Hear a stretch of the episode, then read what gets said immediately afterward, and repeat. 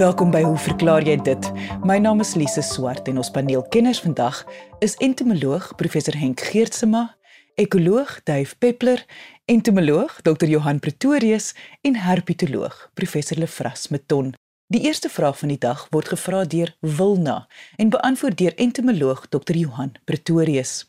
Wilna skryf: Ons bly al 8 jaar in Pietermaritzburg en elke jaar aan die begin van herfs kry ons hierdie wurms in ons tuin.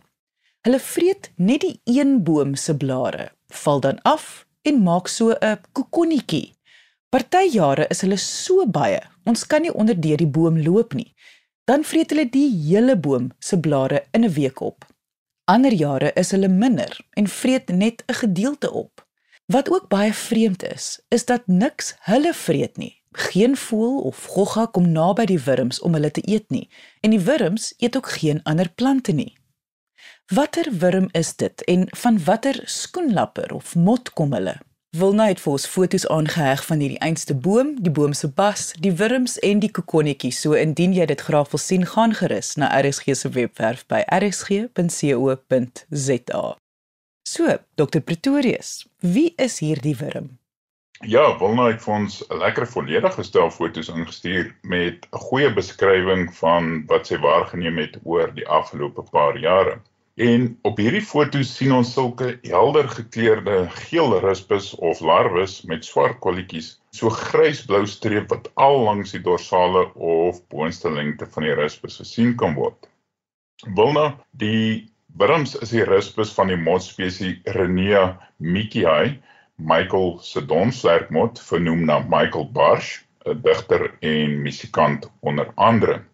En hierdie spesifieke spesies is een van so amper 4000 spesies wêreldwyd in die motfamilie Notodontidae.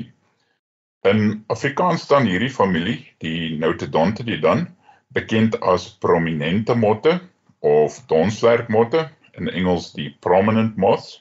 Al kry die naam vanaf 'n lop op die binneste rand van die twee voorvlerke wat prominent regop staan as die volwasse motterus met die vlerke amper soos 'n huisdak oor die agterlyf gevou. Ongelukkig is hierdie familiemotte maar redelik afgeskeep in terme van navorsing in Suid-Afrika en elders, aangesien hulle nie van ekonomiese belang is nie en inligting oor die spesifieke spesies wat Wilna afgeneem het is maar skraps om die minste te sê. Ek het egter kontak gemaak met een van ons plaaslike motkenners vir meer inligting oor hierdie spesifieke spesies en hy het vir my inligting uit aangestuur uit 'n boek wat in 2015 gepubliseer is getiteld The Notodontidae of South Africa including Swaziland and Lesotho. Sover ek kennis dra is dit die mees onlangse werk vir die groep motte vir ons streek. Die publikasie noem dat daar ongeveer 100 spesies donswerkmotte in Suider-Afrika bekend is, terwyl daar spesifiek 3 spesies in die genus Renia in Suid-Afrika voorkom, waarvan Vulnaserispus dan een van hierdie 3 spesies is. Larwes van donswerkmotte voed meestal op bome en struike En Wilna se observasie dat hierdie rus beslegs op die een spesifieke boom in die tuin voorkom, is 'n goeie aanduiding dat hulle redelik gasheer spesifiek is, iets wat ons gereeld by motte en skoenlappers aantref of waarneem. En ons verwys na sulke insekte as monofaag, met ander woorde, hulle verkies om slegs op 'n enkele plant spesies of genus te voed of oligofaag as die insekte slegs op 'n paar na verwante plantfamilies voed. Dit is dan in teenstelling met polyfaag spesies wat op 'n uiteenlopende aantal plantspesies sal voed. Die waarneming dat hierdie rispus baie en selfs al die blare van die boom afvreet tydens sommige jare is ook glad nie ongewoon vir donswerkmotte in die algemeen nie aangesien 'n aantal spesies sogenaamde sporadiese ontblaarders is. Soos Wilna tereg noem, gebeur dit darm nie elke jaar nie en ook gedurende herfs wanneer aktiewe groei begin afneem wat mense sou dink die boom dan 'n goeie kans op herstel en oorlewing gee.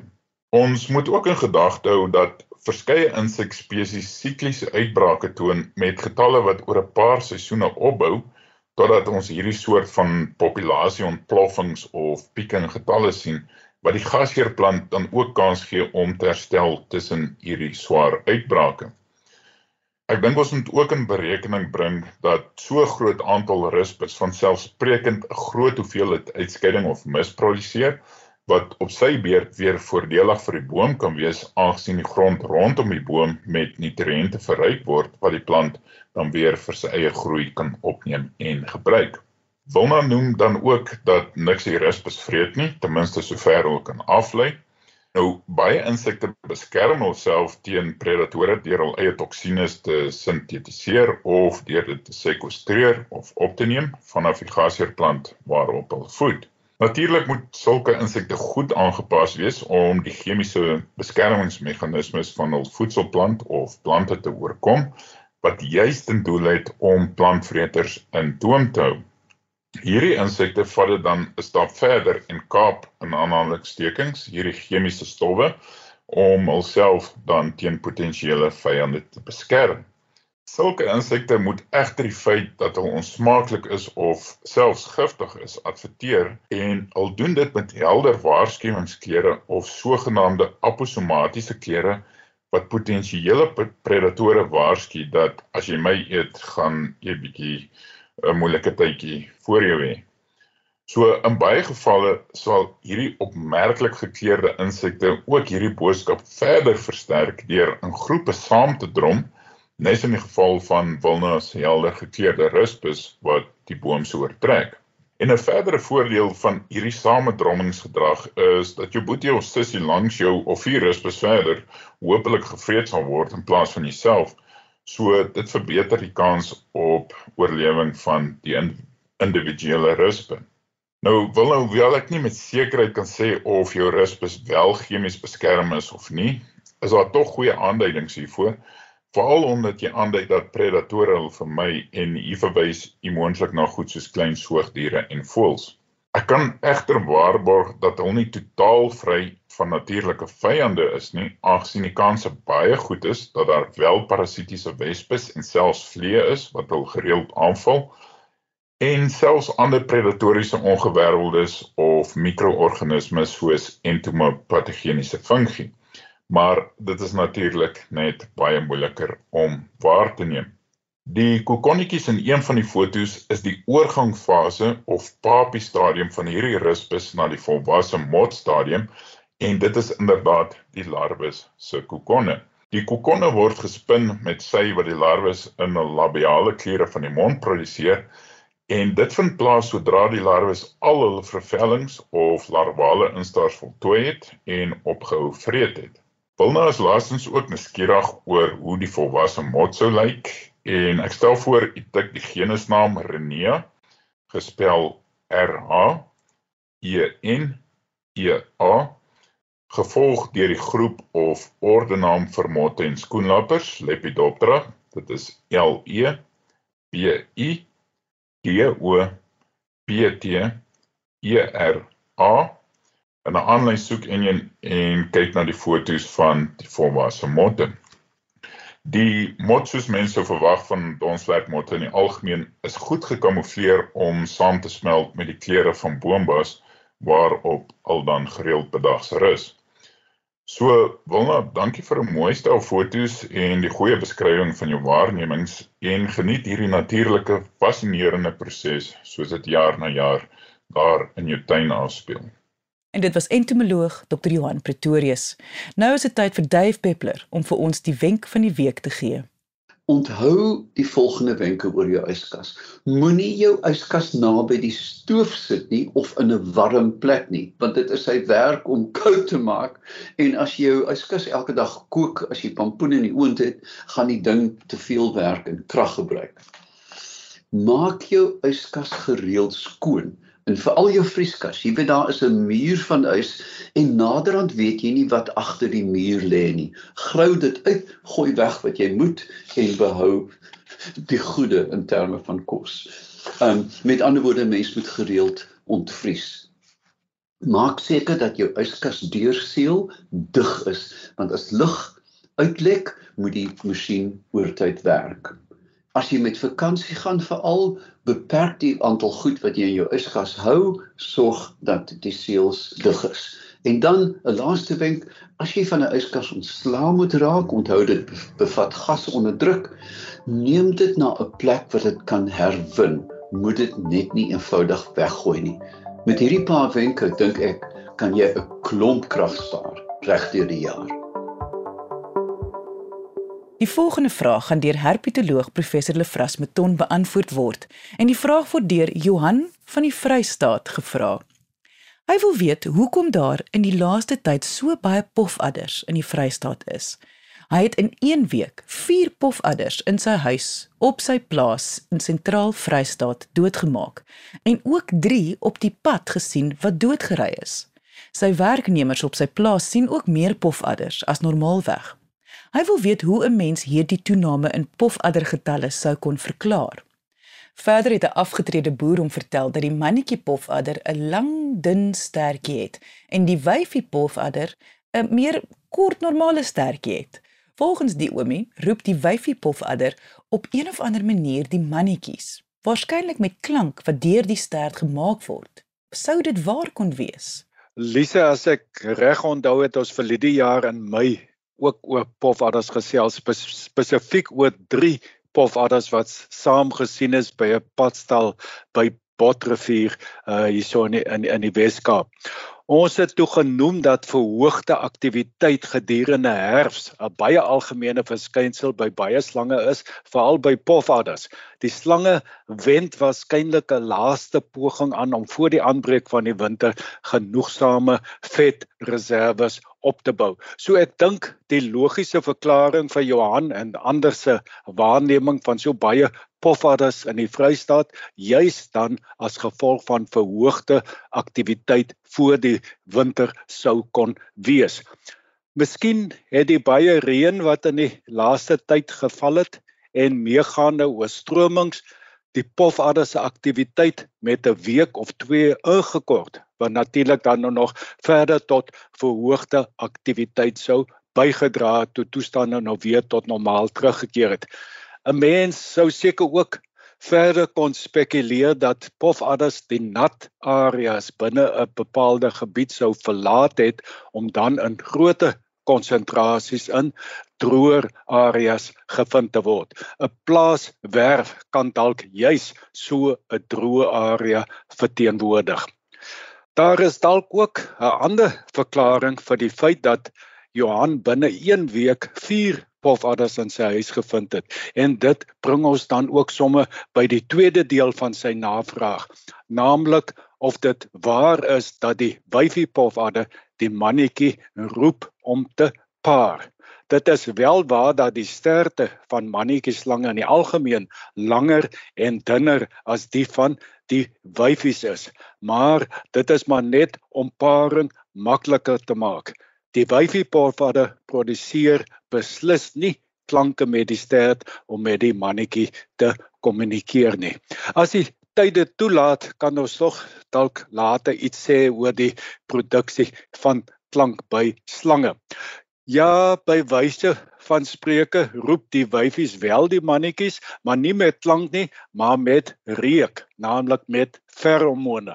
Die wyfies lê 'n feromoonspoor neer wanneer hulle nou gereed is om op die om te paar net op die grond waar hulle seil is daar nou, nou so 'n feromoonspoor. Die mannetjies volg dan hierdie spoor tot hulle haar vind. Dit kan dan nou gebeur dat 2 of selfs 3 mannetjies 'n wyfie kan agtervolg ek sou dus nie verbaas wees as die eerste pof adder wat Johan uh wat Johan se huis binne gekom het 'n wyfie was nie en dat drie mannetjies kort daarna haar spoor ook tot in die huis sou gevolg het nie.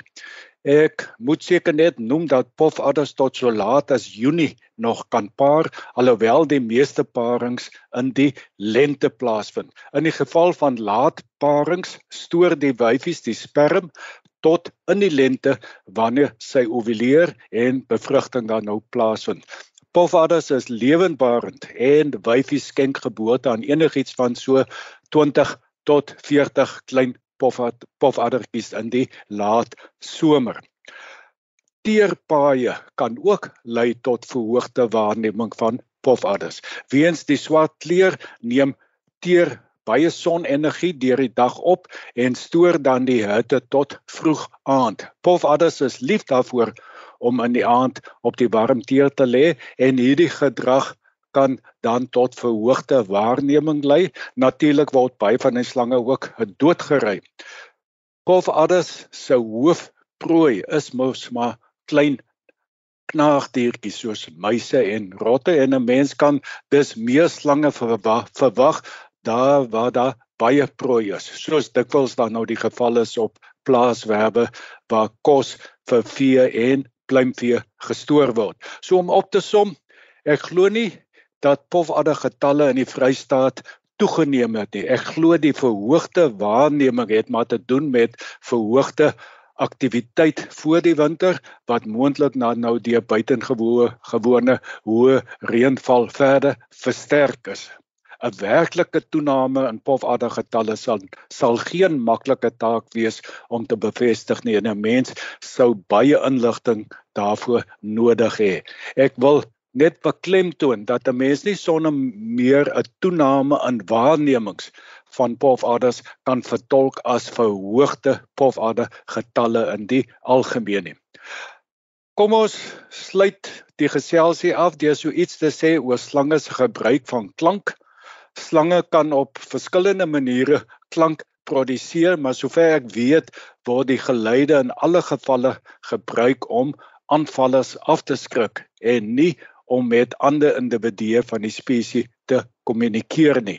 By hul naverwantes, die akedisse, is daar wel enkele soorte wat met klank kommunikeer, veral onder die geitjies. Nou ons weet dat die oorgrootste meerderheid geitjies is nagdiere en kommunikasie met behulp van kleur en liggaamssyne soos wat ons by dagaktiewe akedisse sien, sou minder effektief in die nag wees. So klank is 'n handige kommunikasiemiddel vir nagdiere.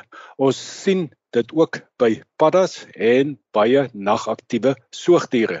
Maar die meeste slange is tog ook nagaktief en 'n mens sou dus verwag dat ten minste 'n paar van hulle van klank as kommunikasiemiddel sou gebruik maak. 'n Mens moet egter onthou dat slange se gehoorstelsel nie baie effektief is om klankgolwe via die lug op te vang nie want hulle het mos nou nie 'n uitwendige ooropening en trommelvlies nie. Die enkele gehoorbeentjie in die binneoor is met die kaakbene verbind en die slang kan dan nou wel vibrasies vanaf die grond optel wanneer die slang nou met sy kop op die grond lê. Onlangse navorsing het egter ook gevind dat van die skedelbene wel klankgolwe via die lug kan opvang en die vibrasies na die haarselle in die binneoor kan oordra. Nietemin slange se gehoor is nie wat wonders nie en dit is beslis 'n beperking in die gebruik van klank as kommunikasiemiddel. Ons almal is bekend met die blaasgeluide wat slange kan maak wanneer hulle lug uitasem nou om om uh, aanvallers uh, uh, af te weer of bang te maak. Hierdie blaasgeluide kan varieer van 'n vanaf 'n diep gromgeluid by die koningskobra. Uh dit klink omtrent so. Sommige slange soos die eiervreter produseer waarskuwingsgeluide deur die liggaamskubbe te mekaar te skuur. 'n Paar klein slangsoorte probeer aanvallers afskrik deur wat in Engels dan nou bekend staan as cloacal popping. Dit wil sê hulle laat winde. Ek weet nou nie hoe effektief dit nou is om om aanvallers af te skrik nie. Die die die die ratelslange en daar's 'n hele paar spesies van hulle het 'n klompie uh ringe van keratin op die agterpunt van die stert waar dan nou teen 'n baie hoë frekwensie vibreer word en dan nou te mekaar ratel en dit maak nogal so baie indrukwekkende geluid om aanvallers af te skrik. En so klink dit.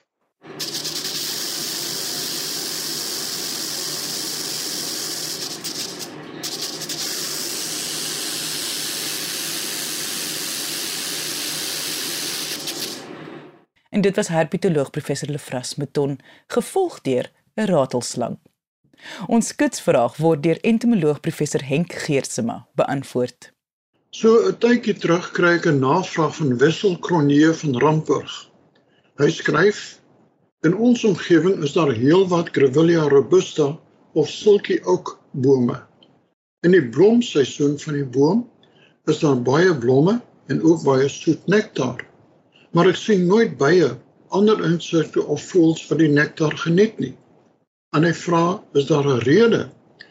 Beste Wissel, dankie vir die vraag. My verskoning vir die late reaksie. Alhoewel ek die boom ken, was ek nie bewus dat baie die blomme nie besoek nie. Ek het dus gaan kers opsteek by die met hoofletters Suid-Afrikaanse byekenner Dr. Geoff Tribe, 'n eertydse kollega van my by die Navorsingsinstituut vir Plantbeskerming oor die aangeleentheid. Volgens Christo Pinaar Terloops my biologie onderwyser in my skooldae dra die blomme van Grevillea 'n oormaat blomtrosse wat groot hoeveelhede nektar produseer. Maar volgens my kollega en sy talryke studies oor die verhouding tussen nektarproduseerders en die Afrikaanse honingbei in Suider-Afrika, het hy dit nog nooit by die Grevilleas waargeneem nie. Die boom wat tot die Protea groep behoort, produseer wel hoeveelhede stuifmeel wat deur die insekte en voëls versamel word, maar dra eintlik min by tot die bestuiving van die blomme omdat die kort meeldrade nie in aanraking met die besoekers kom nie. In Australië, waar die boom inheems is, is die buideldiere al daar die belangrikste bestuivers van die plant. Volgens verslae in Kenia is voëls die belangrikste bestuivers, gevolg deur insekte insluitende heuningbye die belangrikste bestuivers van plante. Terloops, die sy-eik is ook nie 'n groot bron van nektar vir die maak van heuning nie. Aldus Johans Meyer se boek oor byeboerdery in Suid-Afrika. Ook moet genoem word dat Australië geen inheemse heuningbye het nie, maar wel baie alleenloperbye met kleiner getalle en daar was dus geen saamlopende ontwikkeling tussen heuningbye en plaaslike plante groei in Australië nie. Volgens Dr. Tribe is dit so dat waar ander ryker bronne van nektar beskikbaar is, die blomme van die sy-eik laaste kom. En soos hy dit stel, heuningbye het 'n terugvoermeganisme deurdat die verskeie bronne van nektar en stuifmeel gedurende die boodskappers se danse geëvalueer word en uit die boodskappers van die beter bronne van styfmeel en nektar werker baie beter inlig en aanmoedig om die ryker bronne van nektar en styfmeel te benut. Die blomme van ons inheemse boerboon, Schotia brachypetala, dra soortgelyke blomtrosse as die van die sy-eik, met ook groot hoeveelhede afdruppelende nektar. En tog word die blomme minder deur bye besoek as in die geval met baie ander insekbestuivers, insluitende perdebye, enkellopende bye, mure, vliee en baie klewersoorte, veral die sogenaamde vrugtetorre. En volgens Dr. Tribe kan dit wees dat die suikergehalte miskien te laag is vir heuningbye. Die inheemse protea soorte in Suid-Afrika word druk besoek deur heuningbye, veral in die fynbos streke. Dit kan te doen hê met die relatiewe afwesigheid van ander nektarproduserende plante in die bioom. Dat die suikergehalte van die blomme van die suikerbossie, Protea repens, die naam sê dit reeds, redelik hoog is, is goed bekend by ons bevolking, wat die nektar vroeg in die oggend versamel en deur indamping dit tot 'n suikerstroop kan omvorm. Dankie Wessel vir die vraag. Ek het ook iets geleer. En dit was entomoloog professor Henk Geertsema. Ek sê baie dankie aan ons kenners en vraagstellers vandag. Onthou om altyd nuuskierig te bly en vra te vra. Tot volgende week net hier op RSG saam met my Lise Swart. Totsiens.